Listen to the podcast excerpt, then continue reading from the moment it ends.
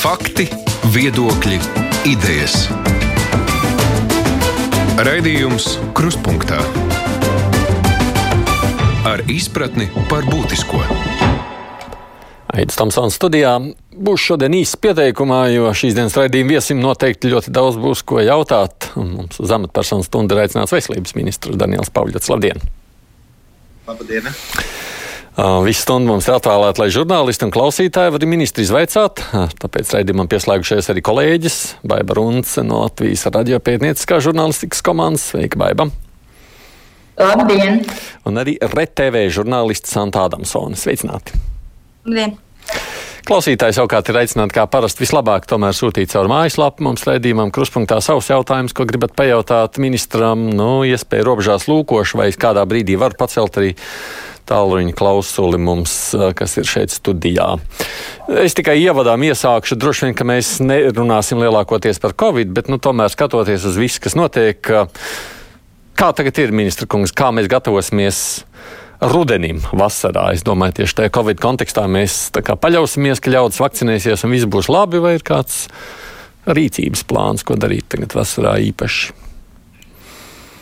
Nu, es, jā, nu, es domāju, Tomsona kungs nav tā izvēle gluži tāda nav, kā jūs viņu formulējāt. Jo nav tā, ka mēs paļautos un gaidītu. Mēs kā līdz šim nu, teiksim, esam kombinējuši divas pieejas. No vienas puses, mēs esam izbūvējuši šo vakcinācijas sistēmu, kura ir gatava nu, pieņemt cilvēku vēlmi, ieeja mana vakcīna no V vai piezvan 8989 piesakies. Bet paralēli mēs esam arī proaktīvi veidojuši komunikāciju, virzoties pie cilvēkiem un uzrunājot viņus dažādos veidos, kādi bijuši iespējami. Un es domāju, ka tas, ko mēs darīsim turpmākajās nedēļās, mēs drusku pamainīsim to pieeju. Mēs šobrīd diskutējam ar, ar šī procesa organizatoriem, arī iespējams valdībām. Mēs šo jautājumu pacelsim, ka vakcinācijas stratēģija, plānam ir, ir vajadzīgas zināmas korekcijas. Un, uh, tas nozīmē, ka mums būtu jāiet tagad tiešām tuvāk pie cilvēkiem. Respektīvi, ja līdz šim bijis pamatā pieeja, ka cilvēki nāk pēc vakcīnām, tad savā ziņā mums jārēķinās, ka tagad mēs tiekam pāri šim pirmajam pusmiljonam, ko mēs esam veiksmīgi vakcinējuši vismaz vienreiz. Ka, lai mēs tiktu līdz miljonam un vairāk, mums iespējams būs jāiet ar vakcīnām pie cilvēkiem. Un primāri pie senioriem, daudz aktīv, vēl aktīvāk jāiet pie senioriem, jo, jo teiksim, šajā ievainojamajā grupā vakcinācijas aptvere vēl ar vienu ir stipri pa zemu. Un uh, otra lieta, kas mums jādara, mums jāiet tur, kur cilvēki ir.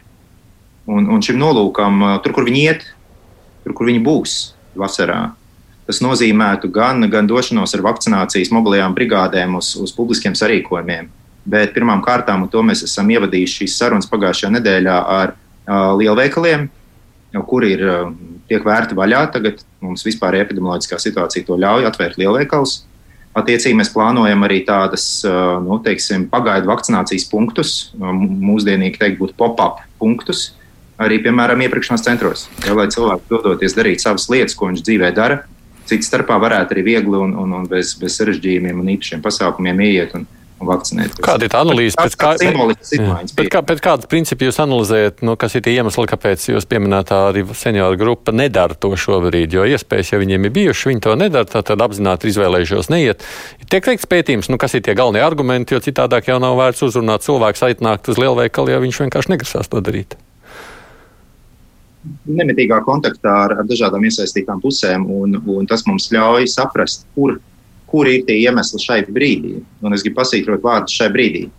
Jo eh, es domāju, ka vērts noteikti paturēt prātā to domu, ka vakcinācijas process, kā jebkurš liels uh, sabiedrisks process, sarežģīts, uh, mainās ar laiku. Ja viņam katrā brīdī drusku cits, cits situācijas veidojās. Un tāpat, ar, ja vienā brīdī seniori bija bažīgi par AstraZeneca, tad šobrīd ir, ir izvirzās priekšplānā cita apsvēruma. Viens no apsvērumiem, kas, kas veidojās, ir, ka daudziem senioriem, un mēs viņu patiesās bažas un rūpes labi zinām, jo mēs esam sākuši personisku apzvanīšanu. Ja, tad, tad zvana centra operatori no 8989 zvana konkrētiem pensionāriem, senioriem, par kuriem mēs zinām, ka viņi nav vakcinēti, un uzrunā viņus ar zināmu rezultātu no tiem, ko izdodas sazvanīt. Katrs piektais piekrīt un tiek pierakstīts un, un, un saņems vakcīnu. Tas nav slikti. Jo, bet ļoti daudz saka, ka vai nu viņi bažīgi ir par savu veselības stāvokli. Un ļoti izplatīts priekšstats ir, ka es jau tā esmu, piedodiet, nu, vecs un slims, un jūs vēl man gribat vakcīnu, ja man būs vēl sliktāk. Un ir, mēs mēģinām izskaidrot to domu, ka tās esošās saslimšanas ir iemesls vakcinēties, nevis iemesls nevakcinēties. Ka tieši tāpēc, lai pasargātu sevi, tieši tāpēc, ka ir šī trausla veselība, ir, ir īpaši šiem cilvēkiem nepieciešama vakcīna, un, un ka patiesībā arī ļoti, ļoti mums jācenšas ar visiem izskaidrot to imunologu vienkāršu uzstādījumu, ka nav faktiski tādu cilvēku, kuriem būtu kaut kādas kontraindikācijas nevakcinēties. Faktiski nav. Nu, ja kādam ir teiksim, tiešām specifiska nepanesamība, ļoti reta lieta, bet kāda no sastāvdaļām tajā preparātā, tad viņam var piedāvāt citu. Ja. Bet visā visumā nav tāda situācija, kurās cilvēks nevarētu īsti vakcinēties. Viņš būtu par vāju vai, vai ka viņam tā esošā saslimšana tik ļoti traucē. Tas ir ļoti, ļoti retas situācijas. Ja es drīkstu vienkārši par šo pašu lietu, tas bija viens no tiem jautājumiem, jo tad, kad runā par atvieglojumiem vakcinētām personām, bieži vien kā arguments tiek pieminēts, ka ir cilvēki, kuri medicīnisku apstākļu dēļ nedrīkst vakcinēties. Tad uh, arī RSU, piemēram, ir teicis, ja šis cilvēks pierāda šo faktu, ka viņš tiešām nedrīkst, tad RSU tur apmaksā viņiem tos uh, testus. Bet uh, tad veselības ministrija principā ir apzinājusi, cik reāli ir šādi cilvēki. Tad es saprotu no jums, ka, ka nav īsti šādi cilvēki. Baiba, jūs dzirdējāt, ka es tikko minēju, ka mediķi ieskatā tādu cilvēku tikpat kā nav. Mēs nevaram apzināt to, kā nav. Saprotiet? Tas var atsevišķi ņemts mediķis, un mediķi ir cilvēki, kas ir ar dažādiem viedokļiem par dažādām lietām. Atsevišķi ņemtam mediķim var būt viedoklis ģimenes ārstam vai, vai kādam citam speciālistam, ka nu, šis cilvēks ir pārāk slims un nevajadzētu vakcinēties. Tā mēs arī dzirdam. Mēs dzirdam, diemžēl, bieži no tiem pašiem senioriem. Mans ģimenes ārsts teica, ka tev nevajadzētu. Vajadzētu pagaidīt. Bet uh, imunologi, speciālisti, kuri strādā ar vakcīnām profesionāli dien dienā, kas ir viņu specializācija, uzskata, Un šo vēstu mēs tiešām gribētu novadīt visiem Latvijas cilvēkiem, neatkarīgi no tā, ko varbūt kādā brīdī viņam kāds cits pasaka. Ka vakcinēties var visi, ka tie gadījumi, kad nevar vakcinēties kāds veselības stāvokļa dēļ vai kā ir tik ārkārtīgi reti, imunologi ieskatā, ka faktiski atbildēt uz jūsu jautājumu, un skundu, nu, mums ir teju neiespējami. Mēs nevaram jums pateikt skaitu kaut kam, ko ir ļoti grūti definēt. Ja? Līdz ar Jā, to mums bieži jau ir to, ka konsultācija Nu, bieži vienkārši ir dzirdams, ka konsultējiet, konsultējieties ar ģimenes ārstu, un tad, lūk, ģimenes ārsti ir pateikuši, ka, piemēram, nē, pagaidiet, nu, ko darīt šādā situācijā. Tas ir ģimenes darbs, kas mums jāveic ar, ar visiem ārstiem nozarē. Izglītojot, mēs eh, tiešām sastopamies ar situācijām, kad cilvēki nav līdz galam iepazinušies ar, ar tām pašām vakcinācijas rokas grāmatu. Ja? Uh, dzird visādas apgalvojumus. Piemēram, viens no jūsu kolēģiem, žurnālistiem, vakar kā faktu pateica, nu, bet ārsts, nu, preses konferencē. Nu, bet visiem taču skaidrs, visi taču zina, ārste taču saka, ka, ja ir pārslimojis, tad nevajag vakcinēties. Pagaidiet. Kā? Vajag. Šī aizsardzība pēc pārslimošanas dilst, viņa dilst diezgan ātri. Tas, ka ir antivielas, nevajagot vakcinēties, bet kurš tad zina, kad tas cilvēks bija saslims? Šobrīd, nu, teiksim, Tāpat rokas grāmatā skaidri rakstīts, var vakcinēt jebkuru cilvēku pēc saslimšanas, ja nevēlas vai kā līdz trim mēnešiem var nevakcinēt, pēc tam vajadzētu. Ja? Un no certifikācijas viedokļa arī tas, ko ir panākt vienošanās starp Eiropas Savienības valstīm par digitāliem certifikātiem, ka šī pārslimošana tiek uzskatīta par pietiekamu aizsardzību 180 dienas pēc pirmā pozitīvā testa. Ja? Ilgāk nē, pēc tam vajadzētu vakcinēties. Līdz ar to faktiski tādas situācijas, kur, um, kur nevar vakcinēties, nu, pastāv dabā ļoti reti. Uh, līdz ar to tas ir tas priekšstats, kas mums ir jāpalīdz izprast un, un mainīt kļūdainus, nu, tādus nepareizus uzskatus. Vienalga, vai tas būtu plašākā sabiedrībā, vai tas būtu arī mediķi. Sakot, es saprotu, jūs tas darba virzieni ir divi tajā vasarā. Strādāt pirmkārt ar nākšanu klāt tuvāk pacientiem, mēģināt uzrunāt cilvēkus tur, kur viņi atrodas, un otrs ir strādāt ar doktoriem. Ja? Principā, jā, lielās līnijās. Tas, kas attiecās par to iešanu tuvāk pie cilvēkiem, nozīmē tieši to, ko jūs jautājāt. Arī, arī izpratšana sīkāk, tieši kādi aizspriedumi, kādas problēmas ir konkrētās mērķa auditorijās. Nu, piemēram, tagad nāks jādomā drīz saimē nobalsos par jaunās izglītības ministras iecelšanu amatā. Un viņi ir pateikusi tagad publiski jau letā lasīja, ka viņas prioritāte būs skolu atvēršana klātienē no rudens draugi priekšnoteikums ir tas, ka mēs visi esam vakcinējušies, un tostarp ir vakcinējušies pedagogi un cik iespējams arī bērni, tie, kurus varēs. Mēs jau no galu galā varam vakcinēt. Tagad vakar bija pirmā diena, pirmie 12 plus gadīgie ir jau vakcinējušies. Ja? Tas, tas, pie kā mums jāstrādā, līdz ar ko es iešu pie izglītības ministrs un teikšu, klau, kā mēs, mužnieces kundze, varam strādāt kopā, lai šo vasaru panāktu, ka gan skolotāji, gan tie skolnieki, kuri var, maksimāli vakcinētos. Jo tas ir labākais priekšnoteikums tam, lai mēs varētu rudenī tiešām klātienē visu kaut ko darīt. Un, un, un neizbēgami vīruss atkal sāks visticamāk, es domāju, no liela varbūtība. Saslimstības pieaugums lielākā vai mazākā mērā rudenī ir gaidāms. Un tas, kāds tas būs, ir atkarīgs no tā, kā mēs vasarā cik raiti mēs vakcinēsimies. Tiem klausītājiem, kas man te prasa, raksta diezgan daudz ar ļoti konkrētiem jautājumiem par vakcīnām, es uzreiz saku, šeit mēs tos neuzdošu. Vismaz es no savas puses, tāpēc, ka mums ir raidījums, kā labāk dzīvot, un tur tiešām nāk regulāri cilvēki no vakcinācijas procesa uzturētājiem un atbild šiem jautājumiem, tāpēc, lai šie jautājumi paliek uz citām reizēm. Bet mums ir iespēja jautāt jebkādus jautājumus, ne tikai, protams, par vakcināciju. Uh, Santa, droši vien ir kāds jautājums. Jā, ja jau mēs iesākām par certifikātiem, tad arī šeit jautājums ir eh, šie trīs certifikāti - vakcinējies, pārslimojis eh, un laboratorisks apstiprinājums, ka negatīvs tests. Un tad pēc 15. jūnija ir šīs papildus iespējas eh, cilvēkiem darīt visādas lietas. Kādu tad priekšrocību īsti dod un ko var darīt tie, kas uzrāda, ka viņiem ir negatīvs tests? Kam šis te negatīvā testa apstiprinājums uh, ir liederīgs kādām lietām? Nu, mums šobrīd ir, es domāju, mēs visi varam iedomāties, ir virkni situāciju dažādu, bijušas līdz šim arī vispārējā regulējuma ietveros, kur, lai kaut ko darītu, obligāts priekšnoteikums ir tests. Nu, piemēram, jums uh, ir, ir klātienē tiešraidē, ja teiksim, tiem cilvēkiem, kas nav vakcinēti, jāuzrāda tests pareizi. Līdz ar to, vai arī tas būtu centralizētais eksāmenis, vai tas būtu ārzemju ceļojums. Ja? Ir tāda virkne situāciju šobrīd regulējumā, dabā praktiski pastāv, kur ir vajadzīgs šis te testu jāuzrāda. Līdz ar to šis vakcinācijas certifikāts, respektīvi šī certifikātu digitālo sistēmu tajā viedierīcē, viņa cits starpā būs arī ērtāks veids, kā šo pašu faktu apliecināt. Nevis nākt ar papīriem, bet rādīt to pašu telefonu un QR kodu jo šī sistēma saturēs atbildi uz jūsu testa rezultātu. Ja? Respektīvi, mums jārēķinās ar to, ka turpmāk, ja līdz šim bija tikai viens nosacītais režīms, tas bija vispārējais šis drošības režīms, kas ir saistīts ar Covid-19 pandēmiju. Ir kaut kādas lietas, ko var, ir kaut kādas lietas, ko nevar, nevar pagaidām. Ja? Atminaties, aizvakar atkal tika spērts solis uz priekšu, atvērti lielveikali, palielināts cilvēku skaits, kas var pulcēties iekštelpās, divas mājsaimniecības līdz desmit cilvēkiem, nu, un tā tālāk, jūs zināt. Ja, līdz ar to tas ir tas vispārējās izmaiņas, viņas jau arī iet uz priekšu. Bet tam paralēli mēs esam tādā situācijā, ka mēs varam ieviest tiem cilvēkiem, kas ir pasargātāki, piekam divkārt pasargāti, viņi paši nesaslimst, viņi arī citus neinficē. Ja? Tie ir vakcinētie un pārslimojušie, un attiecībā uz šiem cilvēkiem mēs tiešām varam ieviest daudz plašākus atbrīvojumus. Un no 15. jūnija Latvijā tas ir jau pielemts. Ja, tas ir jau valdība jau 27. maijā par to lēma, par to pasākumu sarakstu, kas būs iespējams. Iespējams, ka kaut kas nāks vēl klāt, ja, nevar izslēgt. Bet jārēķinās, ka būs nosacīti iespējas, kas būs testētiem cilvēkiem, bet daudz vairāk iespēju būs vakcinētiem pārslimojušiem cilvēkiem. Un gan viena, gan otra var apliecināt ar vienu un to pašu tehnoloģisku risinājumu, ar to pašu QR kodu izdruku. Ja, Tikai lūdzu, es uzreiz pateikšu, mums šodien pienāk ziņas no klienta apkalpošanas centriem pašvaldībās, ka cilvēki sāk gāzt riņķī un interesēties par to, ka viņi varēs dabūt šos savus certifikātu izdrukus un, un apliecinājumus. Tas būs no 15. jūnija.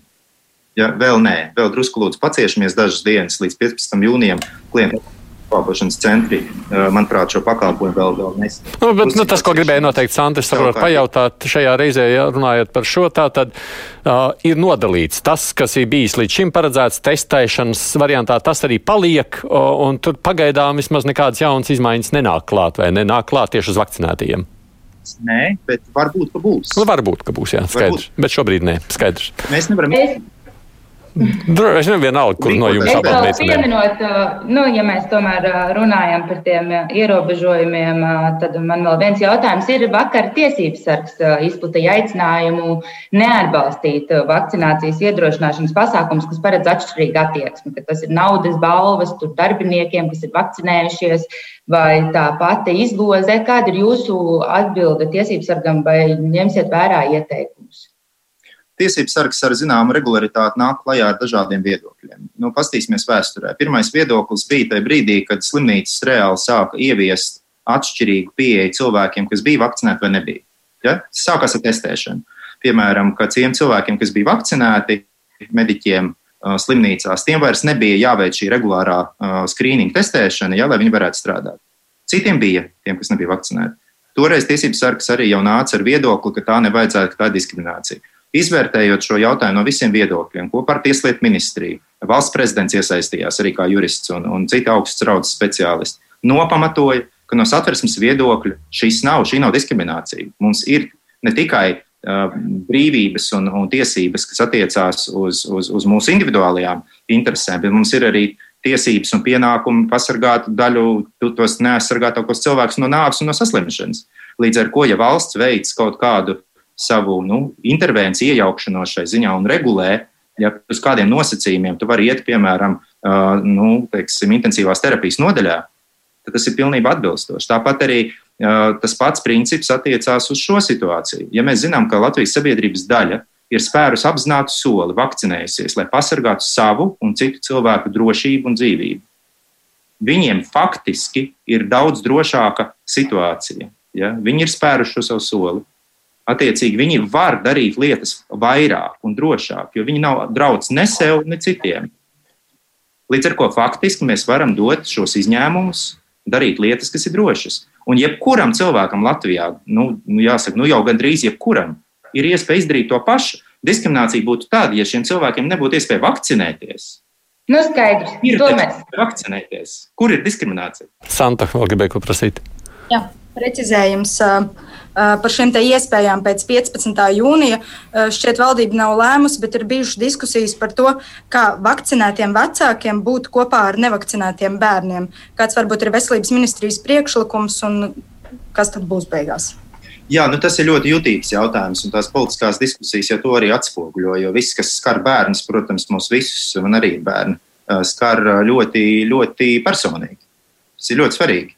Bet šeit gan veselības ministrijai, gan visai valdībai ir jāsabalansē divas lietas. Jo mēs saprotam, ka bērni, vismaz tie bērni, kuri nevar tikt vakcinēti, jo tas vēl nav atļauts, ja? piemēram, bērni jaunāki par 12 gadiem, ka viņi būtībā viņi nav pasargāti. Ja? Tad, tad viņi var paši saslimt, viņi var aiznest vīrusu. Nu, varbūtība, ka viņi aiznesīs vīrusu, daudz lielāka nekā viņi paši saslims. Bet bērni slimo. Ja paskatās to saucamo seroprevalences pētījumu Latvijā, kuru tika pēc antivielām skatīts, cik cilvēki Latvijā reāli ir izslimojuši, saskārušies ar COVID-19 vīrusu, daudz bērnu ir slimojuši, pie kam absolūti nepamanītā veidā. Simptomi viņiem nav bijuši. Ja? Bet daudz ir slimojuši tā ir tāda grupa, kurā patiešām ir bijis vīruss izplatīts, bet kur viņš nav notestēts, nav pamanīts. Mēs esam diezgan maz arī pagājušā ziemā sākotnēji testējuši bērnus. Ja. Tātad, kad tas lēmums varētu būt kāds? Nu jā, tad, tad uh, mums ir jānobalansē starp bērnu drošības interesēm un, un starp šo te, nu, ērtībām. Un, un, un mēs nevēlamies, protams, bez vajadzības pakļaut bērnu testēšanai. Un arī katram vecākam jau būs, būs izvēle, vai teiksim, apmeklēt pasākumus, kuros ir nepieciešams tests vai nē. Ja tā ir izvēles lieta, ja tas nav centralizētais eksāmens vai skolas apmeklējums vai kaut kas tāds. Mēs no savas puses centīsimies parūpēties, ka, ja valdība virzīsies uz lēmumu par to, ka šāda testīšana bērniem vajag, ja mēs virzamies uz to, ka šādi pasākumi, kuros vienlaikus kopā ir vakcinēti un nevakcinēti cilvēki, ka mēs to darām, tad lai mēs varētu izdarīt maksimāli viegli un, un, un bez, bez grūtībām. Un, Droši vien vajadzētu virzīties uz to, ka šie sīklu testi, PCR testi ir, ir bērniem pieejami, lai nav jāpaksta uh, degunā un, un, un, un kaklā. Un tā. Līdz ar to mums būs jāsabalansē. Ir šī vēlme izmantot ērtības un, un, un nodrošināt tiesības. Šī diskusija mums vēl stāv valdībā priekšā, un uh, es domāju, ka tas ir nākamās valdības sēdes vai nu, vēlākais nedēļa vēlāk jautājums. Mēģināšu arī pacelt kādu klausītāju jautājumu. Halo! Labdien! Labdien. Jā. Es gribēju uzdot uh, par citu tēmu pilnīgi Pauļus kungam. Eh, es esmu Černobiļas avārijas seku likvidētājs un mūsu skar saimnes likums 2000. gada par medicīnisko sociālo aprūpi. Bet iznācis tā, ka sakarā ar covid infekciju, kuru mēs bijām Stradiņas slimnīcai piekabināti, teiksim tā, mums, mēs varējām stacionēties, ārstēties, izmeklēties. Šobrīd sakarā ar to viss mums ir liekts jo viss ir pakārtots Covidam, un tā nodaļa 15, kur mēs bijām piekabināti, kā saka, ar gultas vietām zināmām, ir eh, profils ir izmainīts, un mūs vairs neņem. Tad, tad ir jānoiet līdz stāvoklim, kamēr mūsu akūti atved ar ātrajiem, lai tomēr mēs varētu tikt atpakaļ eh, iepriekš un pildīt uh, saimnes likumu valdību. Paldies! Mm. Sapratu. Es sapratu, nu, es varu mierinājumam teikt to, ka šobrīd tomēr situācija arī slimnīcās uzlabojas. Tas ir redzams nu, ar katru dienu. Būtībā tieši šobrīd paralēli mūsu šai sarunai arī veselības ministrijā attiecīgais, attiecīgā tāda nu, komisija diskutē par to, kurš būtu tas īstais brīdis, lai izbeigtu ārkārtas situāciju veselības nozarē. Ja? Mēs virzamies, mēs, mēs tuvojamies tam brīdim, ja situācija nemainās, ja viņa turpina uzlaboties, ka mēs varēsim šo ārkārtas situāciju atcelt. Mēs varēsim atgriezties pie plānveida pakalpojumu sniegšanas. Ir atsevišķos stacionāros jau šobrīd ir veikta šo covid gūtu pārprofilēšana atpakaļ uz ierastajiem profiliem. Slimnīcas arī ziņo, ka ļoti aug cilvēku skaits, kam ir nepieciešama palīdzība citos ārstniecības virzienos. Tostarp arī, diemžēl, akūti gadījumi un intensīvās terapijas ir, ir diezgan pilnas ar cilvēkiem, kam ir citas diagnozes, kas vairs nav Covid-19. Līdz ar to Mēs ļoti labi saprotam, ka ir uzkrājies kalns ar, ar, ar veselības aprūpes vajadzībām par šo Covid laiku, ar kuru mums pēc tam būs jātiek galā. Par citām uh, diagnozēm runājot, uh, rīt publiskai apspriešanai būs pieejams uh, onkoloģijas plāns jaunais, cik zināms. Un, bet jau iepriekš gan onkologu asociācijas vēl salīdzinoši nesen, un arī pacientu asociācijas ziņoja, cik uh, cik zems un nepietiekams uh, finansējums Latvijā ir onkoloģijai. Un ar šo visu jauno plānu, vai onkoloģija būs uh, jūsu prioritāte, un vai jūs redzat, ka mēs varam sagaidīt kādu uzrāvienu šajā onkoloģijas jomā? Nu, tā, nu, pirmkārt, ja mēs runājam par veselības aprūpas finansējumu Latvijā kopumā, tad uh, būtībā jau īsti nav mainījusies tā situācija, kur Latvijas veselības aprūpas finansējuma īpatsvars no, no, teiksim, no budžeta ir salīdzinoši zems iepratīm vairumam valstu, ar kurām mēs sev gribam salīdzināt, attīstīto pasaules valstu, Eiropas valstu, OECD valstu un tā tālāk. Un, un tādā ziņā mēs, mums, nu, lai būtu uzrāviens, par kuru jūs jautājat, arī onkoloģijas jomā ir svarīgas divas lietas. Mums pirmkārt jābūt pašiem ar sakārtotu galvu, nu, izdomājušiem, ko mēs gribam darīt vairāk un savādāk. Un to mēs esam izdarījuši. Tieši tas, ko mēs rīt grasamies prezentēt un, un runāt sīkāk, šis jaunais onkoloģijas plāns, jaunas paudzes plāns, kur centrā tiešām būs cilvēks, pacients. Nevis, ka mēs orientējamies uz, uz, situ, uz sistēmu vai uz slimību, bet uz cilvēku. Sākot no diagnostikas un, un, un šīs vēža saslimšanas novēršanas, un, un tajos gadījumos, kad cilvēki ir saslimuši, tad, lai, lai kā lai saka, šis aprūpe no līmeņa uz līmeni, no vietas uz vietu sekotu līdzi, lai būtu šis koordinators, kas rūpējās visā šajā, nu, teiksim, ārstēšanās ciklā, rūpējās un, un seko līdzi cilvēku virzībai un, un palīdz norientēties. Un tā, tas būtu tā sakārtošanas daļa. Un tad pārējais, protams, ir finansējums. Ja šobrīd ir 109 miljoni šķiet aptuveni ir nu, virzīti onkoloģijas ārstēšanai, kur apmēram puse ir, ir tieši nauda slimnīcām, stacionārajai ārstēšanai, tad attiecīgi tur pārējais sadalās tur 2 pret 3 uh, medikamenti un, un ambulatorā aprūpe.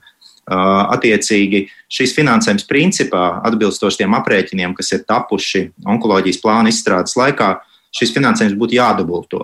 Un turpmākos gados strauji jāpalielina tieši uz medikamentu pieejamības rēķina, jo, jo lai ārstētu vēzi, uh, ir pieejami moderni, ļoti labi medikamenti, bet tie ir arī ārkārtīgi dārgi. Ja, līdz ar to naudas pieejamība ir vistiešākais sakars ar ārstniecības efektivitāti onkoloģijas jomā. Onkoloģija būs viena no manām lielākajām prioritātēm nākamā gada budžeta pieprasījuma sastādīšanā. Šodien mēs nozares strateģiskajā padomē par to runājām. Nozare piekrita lielajiem virsrakstiem, lielajiem virzieniem, ka mums jāvirzās uz sabalansētu budžeta pieprasījumu, kur mēs rūpējamies gan par atalgojumiem sistēmā, gan par nozares kapacitāti, gan par spēju ārstēt, gan onkoloģiskās saslimšanas, gan psihisko veselību un citas lietas. Jā, droši vien, Jā, Santa. Jā. Par posmu pirms ārstēšanas. Protams, tās pieredzes ir ļoti individuāls, bet arī mums ir vairāki pacienti norādījuši, ka šis zaļais koridors ir tāda kā barjera, un tas aizved līdz onkologam, bet pēc onkologa ir ļoti garas rindas līdz izmeklējumiem, kas tad tālāk kavē visu citu procesu. Vai jūs aps, esat apzinājuši un redzat, ka tas tā ir, un kāds tad šim ir risinājums, un iespējams arī šeit kaut ko ir ietekmējusi pandēmija? Izmeklējumi virknē ārstniecības jomu ir, uh, ir šaurā vieta, ir tāds pudeles kakls. Un, un mēs esam apzinājuši šo problemātiku, un uh, finansējuma, papildus finansējuma nepieciešama, nepieciešamība ir svarīga arī tā skaitā attiecībā uz šiem izmeklējumiem. Bet uh, ir daļa no jautājumiem, kurus ir iespējams risināt arī, arī labāk plānojot un, un darbinot šo sistēmu kā vienotu sistēmu.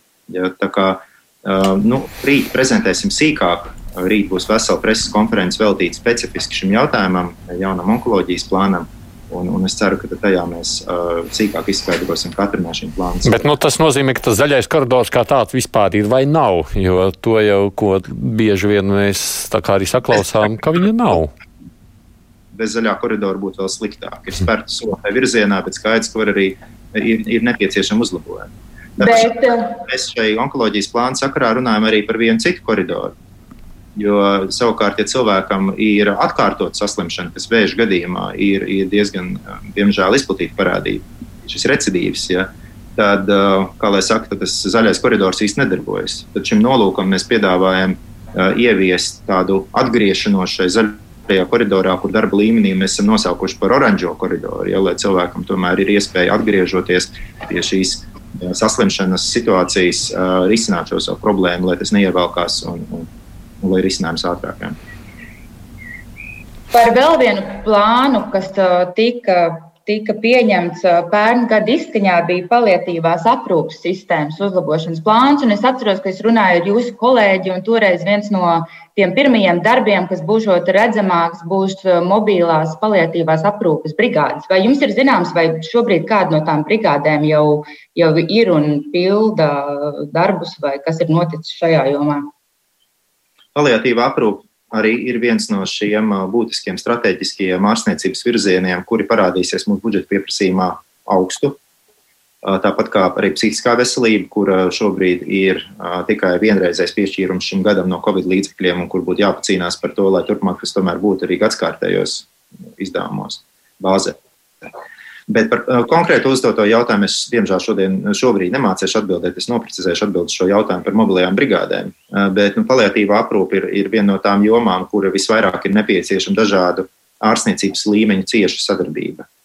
Ir ļoti nepieciešams uh, veidot arī nu, cilvēku resursu kapacitātes trūkums, ir, ir, ir izteikti šaurā vietā. Ar ģimenes ārstiem mēs esam daudz runājuši par to, kā viņi var labāk iesaistīties šajā jomā. Un, Un, un tas ir jautājums par to, cik ģimenes ārstam ir, ir laika un, un kapacitātes eh, individuāli pievērsties šiem cilvēkiem, kuriem eh, ir nepieciešams šis palīdzības aprūpes pakalpojums. Nu, tur bija arī jautājums par atbalstu tuviniekiem, kurai eh, ir mājās ar šo pacientu. Es saprotu, ka tas plāns paredzēja, ka tiem pacientiem nav jāatrodas slimnīcā, bet mājās. Un tad ir arī svarīgs tas atbalsts tuviniekiem, protams. Vai par to arī tiek domāts? Viennozīmīgi. Palietīvā aprūpe ir viena no tām ārstniecības jomām, kur visvairāk ir nepieciešama šī integrētā starpdisciplinārā, piedodiet par šiem svešvārdiem, pieeja, kur sistēma vienoti strādā, lai palīdzētu cilvēkam tajā viņa dzīves situācijās, neatkarīgi no tā, kurā posmā vai kurš pakalpojums sniedzējs ir iesaistīts. Ja, tur tādā ziņā gan pacientam pašam, gan viņa ģimenei nebūtu jādomā par to, redziet, mēs esam radījuši pilotu projektu, kurš tagad ir beidzies, un, diemžēl, kādu laiku pakalpojumu bija pieejama, tagad vairs nav. Ja. Tā nav laba situācija. Tas ir saistīts ar naudu. Tas ir saistīts ar naudu tīri pakalpojumu apmaksai, bet tas, diemžēl, sasaistīts arī ar plašāku jautājumu, kas ir cilvēku resursu pieejamība veselības aprūpē. Kas tās lielās reformas, atalgojuma modelis, ja, rezidentu vietu skaits, to, ko mēs varam nofinansēt no budžeta plānošana, ja, teiksim, speciālistu, um, jauno speciālistu piesaisti Uh, un nevienmēr tiem jābūt ārstiem speciālistiem. Tad ļoti liels jautājums ir uh, māsu uh, atalgojums un māsu skaits nozarē, ģimenes ārstu skaits un, un ģimenes ārstu nomaiņa. ģimenes ārsta kā profesija ļoti strauji noveco. Nē, droši vien, ka jūs tur vēsiet uzskaitīt veselu virkni, es tam piekrītu. Es atgādināšu klausītājiem, skatītājiem, veselības ministrs Daniels Pauģots ir mums šobrīd kā izjautājums cilvēks, jeb amatpersona, kuram varam uzdot jautājumus, un no kolēģiem Santa Adamsona no RTV un Baibrūnas no Latvijas radio. Raidījums Krustpunktā. Izmantošu iespēju atkal pacelt klausuli. Halo! Labdien! Labdien! Es gribu mm, dažus vārdus par to nu, vakcīnu Zeneku. Ja? Uh, es uh, dzīvoju tādā nu, mazā pilsētiņā, neteikšu kādā, bet uh, saņēma vakcīnas divi vīrieši. Tādi pāri nu, 75 gadiem žirgti, friši un visādi. Otrā dienā viņi nomirst no tās vakcīnas. No šeit, man liekas, mēs dzirdam tās runas, kuras ļoti bieži jūs dzirdat. Nu, es domāju, šī klausītāja pauž šo. Nezinu, kas tas ir novērojams, vai baumas pilsētā, vai tam līdzīgi. Nu, tā runājām. Tā runā. nu, Tālāk redz, ka, redz, ka kundze nenosauc to pilsētu. Tad vismaz varētu mēģināt kaut ko atšķirt. Nu, viņai bail pateikt droši vien savu pilsētu. Tur esmu dzirdējis, ka kaut ko atbilstoši mūsu veiktajiem uh, uzraudzības pasākumiem, kas tiešām šajā jomā tiek veikti, uh, atbilstoši tiem ziņojumiem un izpētēm, ko mēs esam veikuši. Uh, neviens cilvēks Latvijā no vakcīnas nav nomiris. Neviens. Padomājiet, mēs šobrīd esam vakcinējuši uh, pusmiljonu cilvēku. Vismaz vienu reizi. Ir taču pilnīgi skaidrs, tīri statistiski, ka viss kaut kas var gadīties no tāda liela cilvēku skaita, tur 5-6 mēnešu periodā, kopš vakcinācija ir sākusies, viss kaut kas var gadīties. Cilvēks var aiziet viņasaulē ar daudziem dažādiem iemesliem. Vienalga, vai kāds ir pārstrādājies un neiztur sirds, vai kādam ir, ir, ir pienācis tas brīdis, jo ir sāsinājusies kroniska saslimšana. Bet izpētot šos gadījumus, par kuriem mums ir sniegti ziņojumi, ko es aicinu, ja šāda informācija ir, nevis zvanīt uz radio, bet pieteikt šos gadījumus Zāļu valsts aģentūrai, vai nevis Facebookā rakstīt, bet tiešām lūgt ģimenes ārstu iesniegt to blakus parādības ziņojumu. Veicam autopsijas, pārbaudām, kas tur īsti ir noticis. Jo uzrakstīt Facebookā, ka kāds ir nomiris no vakcīnas, es saprotu, iespējams, nu, ir tāda iekšēja nepieciešamība to izdarīt, bet, ja mēs gribam kaut ko uzlabot un, un, un, un vērst par labu un noskaidrot, tad vienīgais veids ir iesniegt blakus parādības ziņojumu, veikt, ja nepieciešams, šo sekciju, šo autopsiju un, un pārliecināties, kas tad īsti noticis. Un šobrīd visos tajos gadījumos, kad šīs izpētes ir veikts, nav neviena gadījuma Latvijas republikā, neviena, kur kāds būtu miris vakcīnas dēļ. Tie vienmēr ir bijuši citi iemesli. Citi iemesli. Ja vēl par citiem jautājumiem no klausītājiem, te prasa divi cilvēki par valsts obligāto medicīnisko apdrošināšanu, reiz līdzekļi nav, vai šis jautājums tiek apsvērts, un tad es paralēli pajautāšu savukārt kolēģi prasīto, un kā ir ar mediķiem šobrīd, viņiem ir veselības apdrošināšana pieejama vai nav? Nu, par veselības apdrošināšanu. Principā Latvijas Republikā ir tā, ka mēs faktiski visi esam apdrošināti.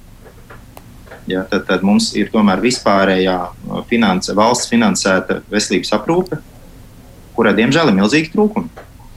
Šī mūsu kopīgi no nodokļiem finansētā veselības aprūpe. Viņa ļoti minimāla. Ir, uh, ir, es nevaru piekrist, ka viņa ir ļoti minimāla, bet uh, ir daudz gadījumi, kad mums ir jāmaksā no savas kabatas, lai dabūtu šo veselības aprūpi tad un tādā veidā, kā mēs gribam. Ja citiem vārdiem ir neskaitām gadījumi, kad uz aprūpi ir jāgaida ilgi. Rezultātā mēs maksājam no savas kabatas, tad, kad mēs esam slimi, un šajā rādītājā mēs esam vienā no vadošajām vietām starp Eiropas valstīm, OECD valstīm un tā tālāk. Diemžēl par tiem no, kā lai saka, pašu izdevumiem no savas kabatas, ko mēs maksājam par veselības aprūpi, tad, kad mums tā ir nepieciešama.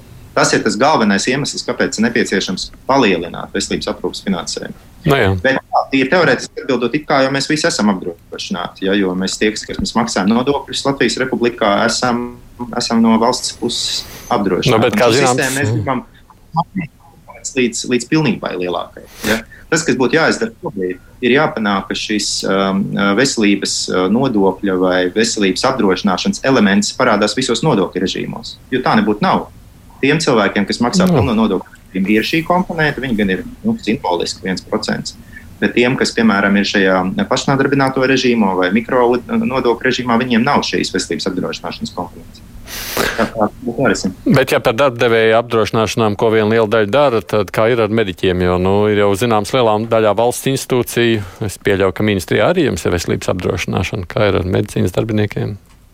Valsts institūcijās lielākoties ir.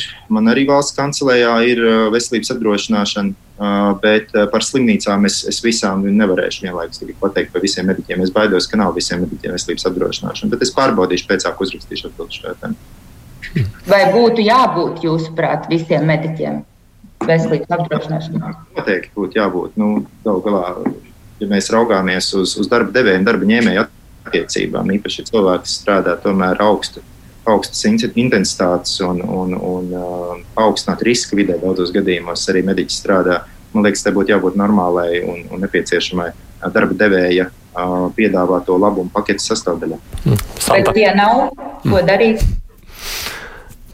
Mariem. Ga, jā, nu tad, tad mēs gaidīsim, ka ministrs atbildēs tūlītās. Saprotam, lūdzu, vienu lietu. Ko šī veselības apdrošināšana dara?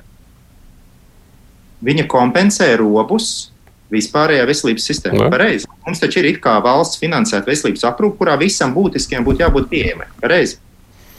Bet tā kā uz to ir ilgi jāgaida, tad ko mēs darām? Mēs ejam uz privātām iestādēm vai ejam par naudu, lai dabūtu uzreiz. Un tā veselības apdrošināšana šajā gadījumā ir tas veids, kā to nofinansēt, nu, nosacīt uz apdrošinātāju rēķinu, ne no savas kabatas. Respektīvi, tā veselības apdrošināšana veids, kā lāpīt caurumus kopējā sistēmā. Man atbild uz šo vaibu būs tāds: vispirms lāpām tos caurums ciet.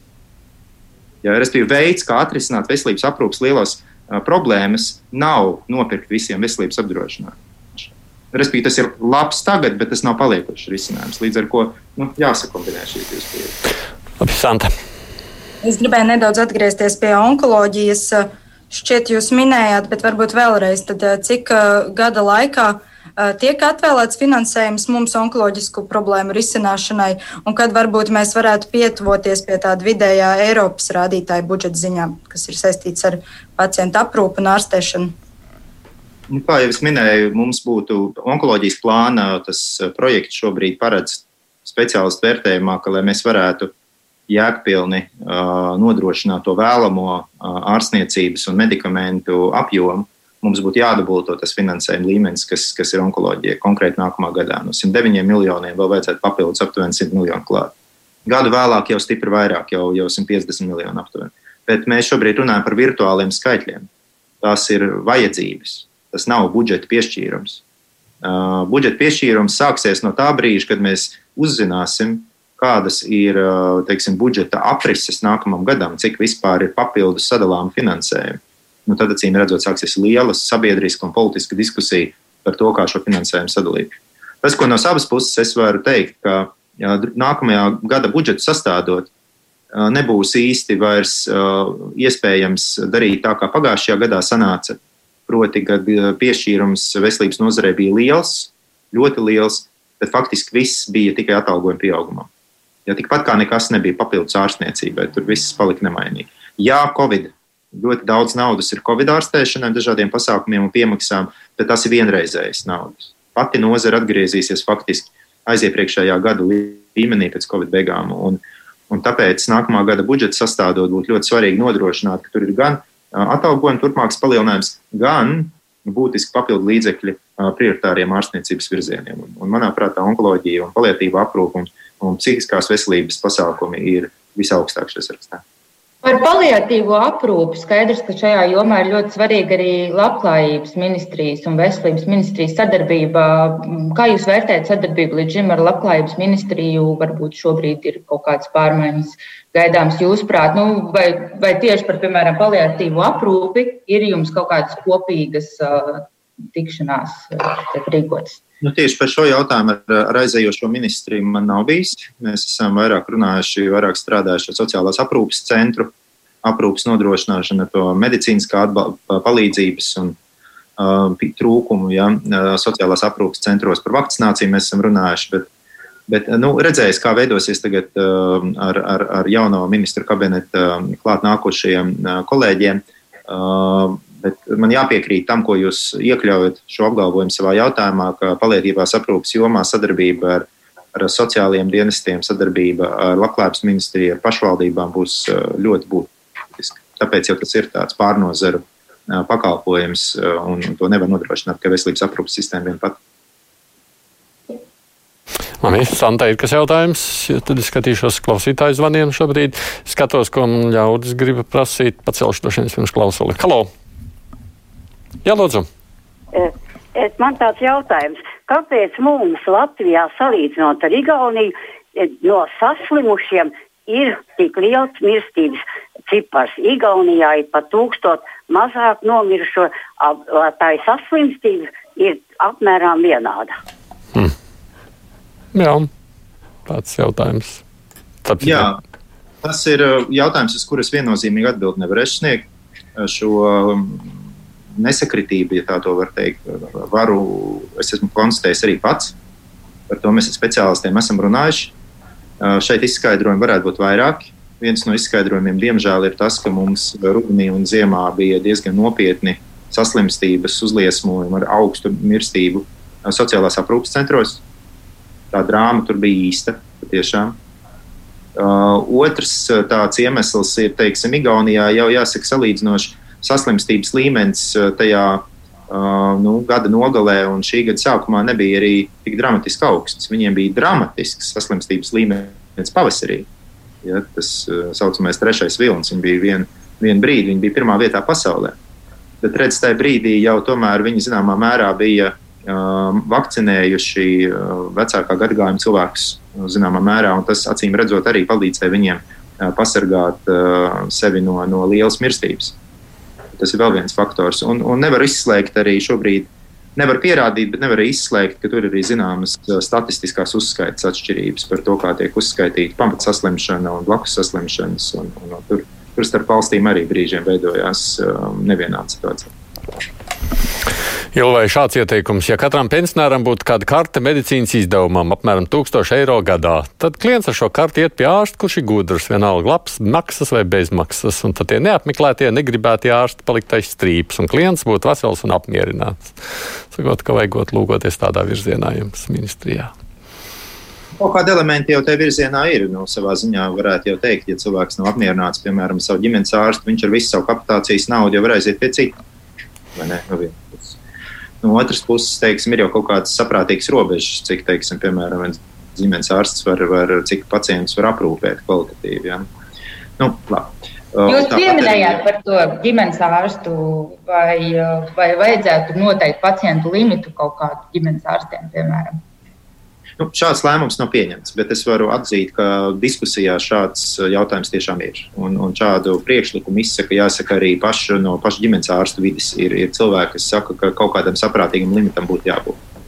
Nu, tur vairāk par pusotru, diviem tūkstošiem ļoti grūti saprast, kā varētu kvalitatīvi aprūpēt cilvēkus. Un, bet tad arī ģimenes ārsts saka, bet, klau, bet ir dažādi veidi, kā varētu šo uh, aprūpi uzlabot piemēram, algojot papildus tehnisko personālu, ne obligāti pat māsu, ja, jo ir, ir virkni lietu, ko ģimenes ārsta praksē, kas patiesībā ir tāds nu, neliels uzņēmums, ja tā varētu teikt. Tur ir daudz dažādas lietas, kas ir darāmas. Ir lietas, ko var darīt arī tehniskais personāls, tos starp dažādu datu ievadi un, un, un mūsdienīgas digitālas lietas un neobligāti ārstniecība.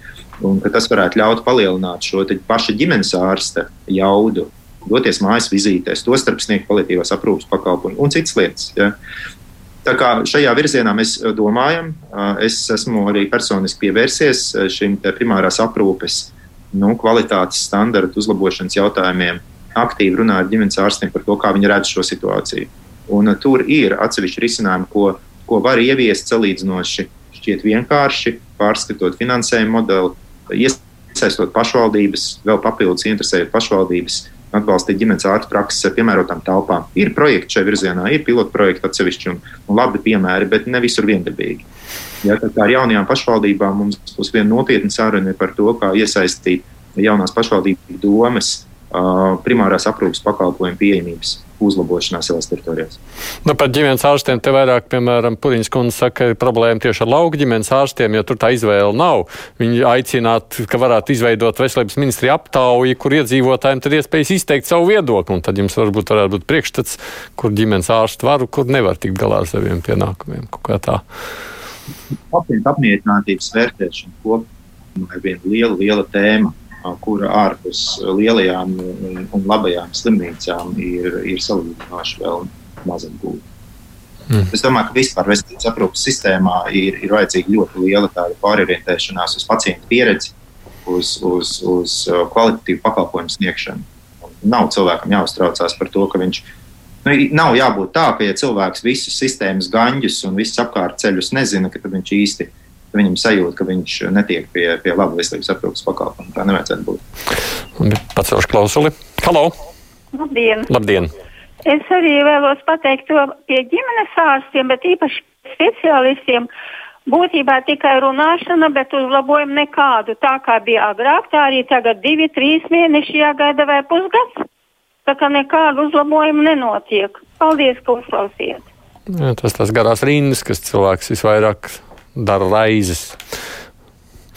Tā, kolēģiem ir ko jautāt? Jā, nav. Jā. Ir. Jā, lūdzu. Par dziesmu un dēļu svētkiem vakar bija plānots lemt. Kāda tad ir jūsu nostāja, kādiem viņiem vajadzētu būt un vai vispār vajadzētu būt? Nu, man nostāja šajā jautājumā nav mainījusies nevienā brīdī. Es domāju, neskatoties pat uz salīdzinoši raitu vakcinācijas gaitu šobrīd, un, un tā nav, nav iespējams iztēloties, ka dziesmu svētki šajā vasaras sezonā varētu notikt tādā nu, daudz maz tradicionālā veidā. Nu, Mēs nu, nevaram iztēloties, kā var droši sanākt kopā tūkstošiem bērnu un jauniešu un, un, un, un kaut ko kopā darīt. Tas nav iespējams. Bet uh, savukārt tajā variantā, kā, kā uh, Ilgša Plīnska to savulaik minēja, ka tas varētu notikt uh, nu, dažādās vietās, dažādos laikos, izmantojot arī kādas tehnoloģiskas rī, palīgi rīkus, tas ir apsverami. Tas ir atkarīgs no konkrētā risinājuma. Es noteikti nebūšu tagad tādā vienkāršā pozīcijā, jā, nē. Ja, teiksim, ja to var izdarīt eh, droši, ja to var izdarīt eh, veidos, kas neapdraud jauniešu, bērnu un jauniešu veselību, tad, eh, tad es, es noteikti nebūtu pret tam, ka tāds pasākums vispār notiek. Aigars prasa, kad ir plānots palaist jauno e-veselību. Nu, mēs šobrīd sāksim ar jaunās digitālās veselības šīs platformas lietotāju hackathonu. Ja, par to mēs drīzumā arī publiski ziņosim. Mūsuprāt, viena no milzīgām problēmām iepriekšējos e-veselības izstrādes posmos bija tas, ka lietotāja faktiskās vajadzības, veids, kā viņi lieto šo sistēmu, lietotāja ērtības, tik lielā mērā ignorē. Atstāt vienkārši aiz borta. Līdz ar to šobrīd mēs negrasāmies to kļūdu atkārtot. Mēs sāksim ar to, ka mēs apzināsim lietotāju vajadzības un vēlmes. Kā man ir ērti saņemt tos pakalpojumus, kā es gribu lietot izmeklējumus, kā man ir ērti, teiksim, piemēram, pieteikties attālinātam ģimenes ārsta pakalpojumam un tā tālāk, uz konkrētiem piemēriem. Un ap šīm atziņām par lietotāju vajadzībām un lietotāju ērtībām mēs plānojam arī veidot darba uzdevumu jaunajai digitālajai sistēmai.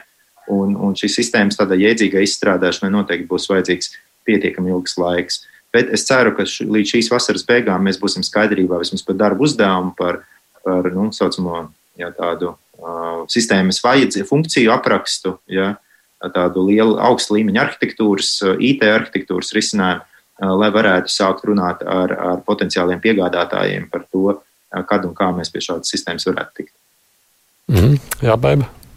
Es, jā, es labprāt uzjautātu par bažām, ko es esmu dzirdējis no pacientiem. Vai tā ir taisnība, ka Latvijas onkoloģijas centru varētu reorganizēt un nodaļas pa slimnīcām sadalīt? Vai...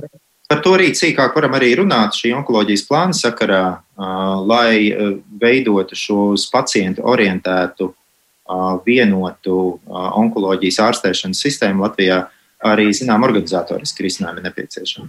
Un ir, ir bijis runa par to, ka onkoloģijas centrs, kas kā nu, gan atsevišķa ēka, gan savā ziņā atsevišķa vienība eksistē šajā Rīgas austrumu klīniskās universitātes slimnīcas kvartālā, ja, ka viņu vajadzētu ciešāk integrēt slimnīcā ar, ar, ar respektīvi past, nu, pastiprinot tās lietas, kas onkoloģijas centram ir unikālas, nu, savukārt salāgojot tās lietas, kas ir tādas pašas kā pārējai slimnīcai. Ja.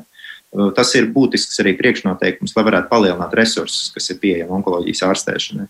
Nu, Cits starpā arī, ir, arī, arī šai slimnīcai ir paredzēta arī būtiski gan tehnoloģiski, gan arī infrastruktūras uzlabojumi. Bez tā jau arī nu, grūti iztēloties, kā varētu labāk ārstēt. Bet, nu, kas svarīgi ir, ka onkoloģijas ārstēšana jau notiek visā ciklā.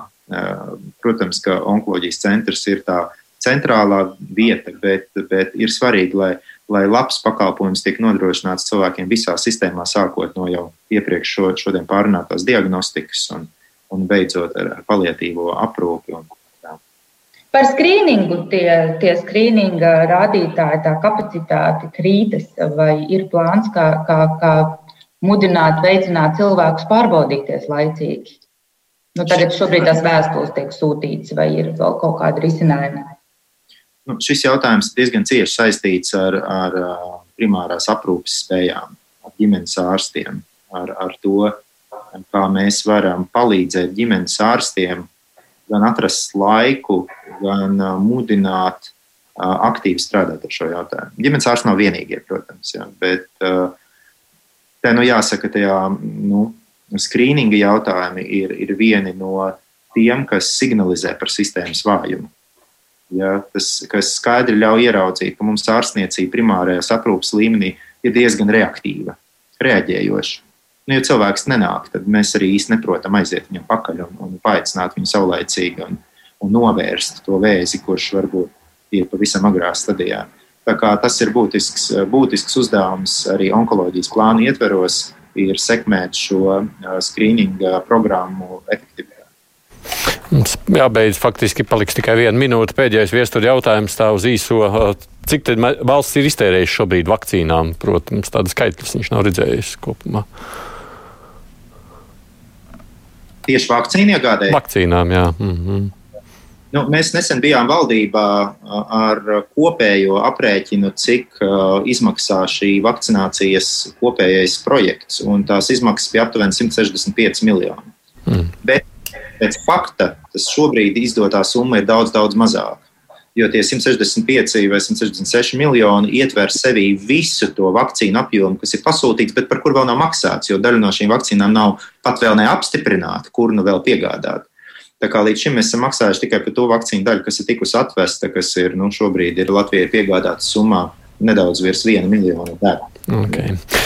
Labi, paldies. Es jums saku, man te savukārt Loreta Bērziņa, kas ir producents no kā labāk dzīvot, saka, ka 15. jūnijas ir tā reize, kad nākušajā reizē būs no vakcinācijas komandas šeit studijā. Tad nu, izmantojiet šos ļoti daudzos jautājumus, klausītāji, kurus jūs mums sūtījāt šeit uzdot tur, jo tie ir praktisks dabas jautājumi, kurus noteikti jūs varēsiet atrast atbildes 15. jūnijā no tiem cilvēkiem, kas organizē šo vakcinācijas procesu.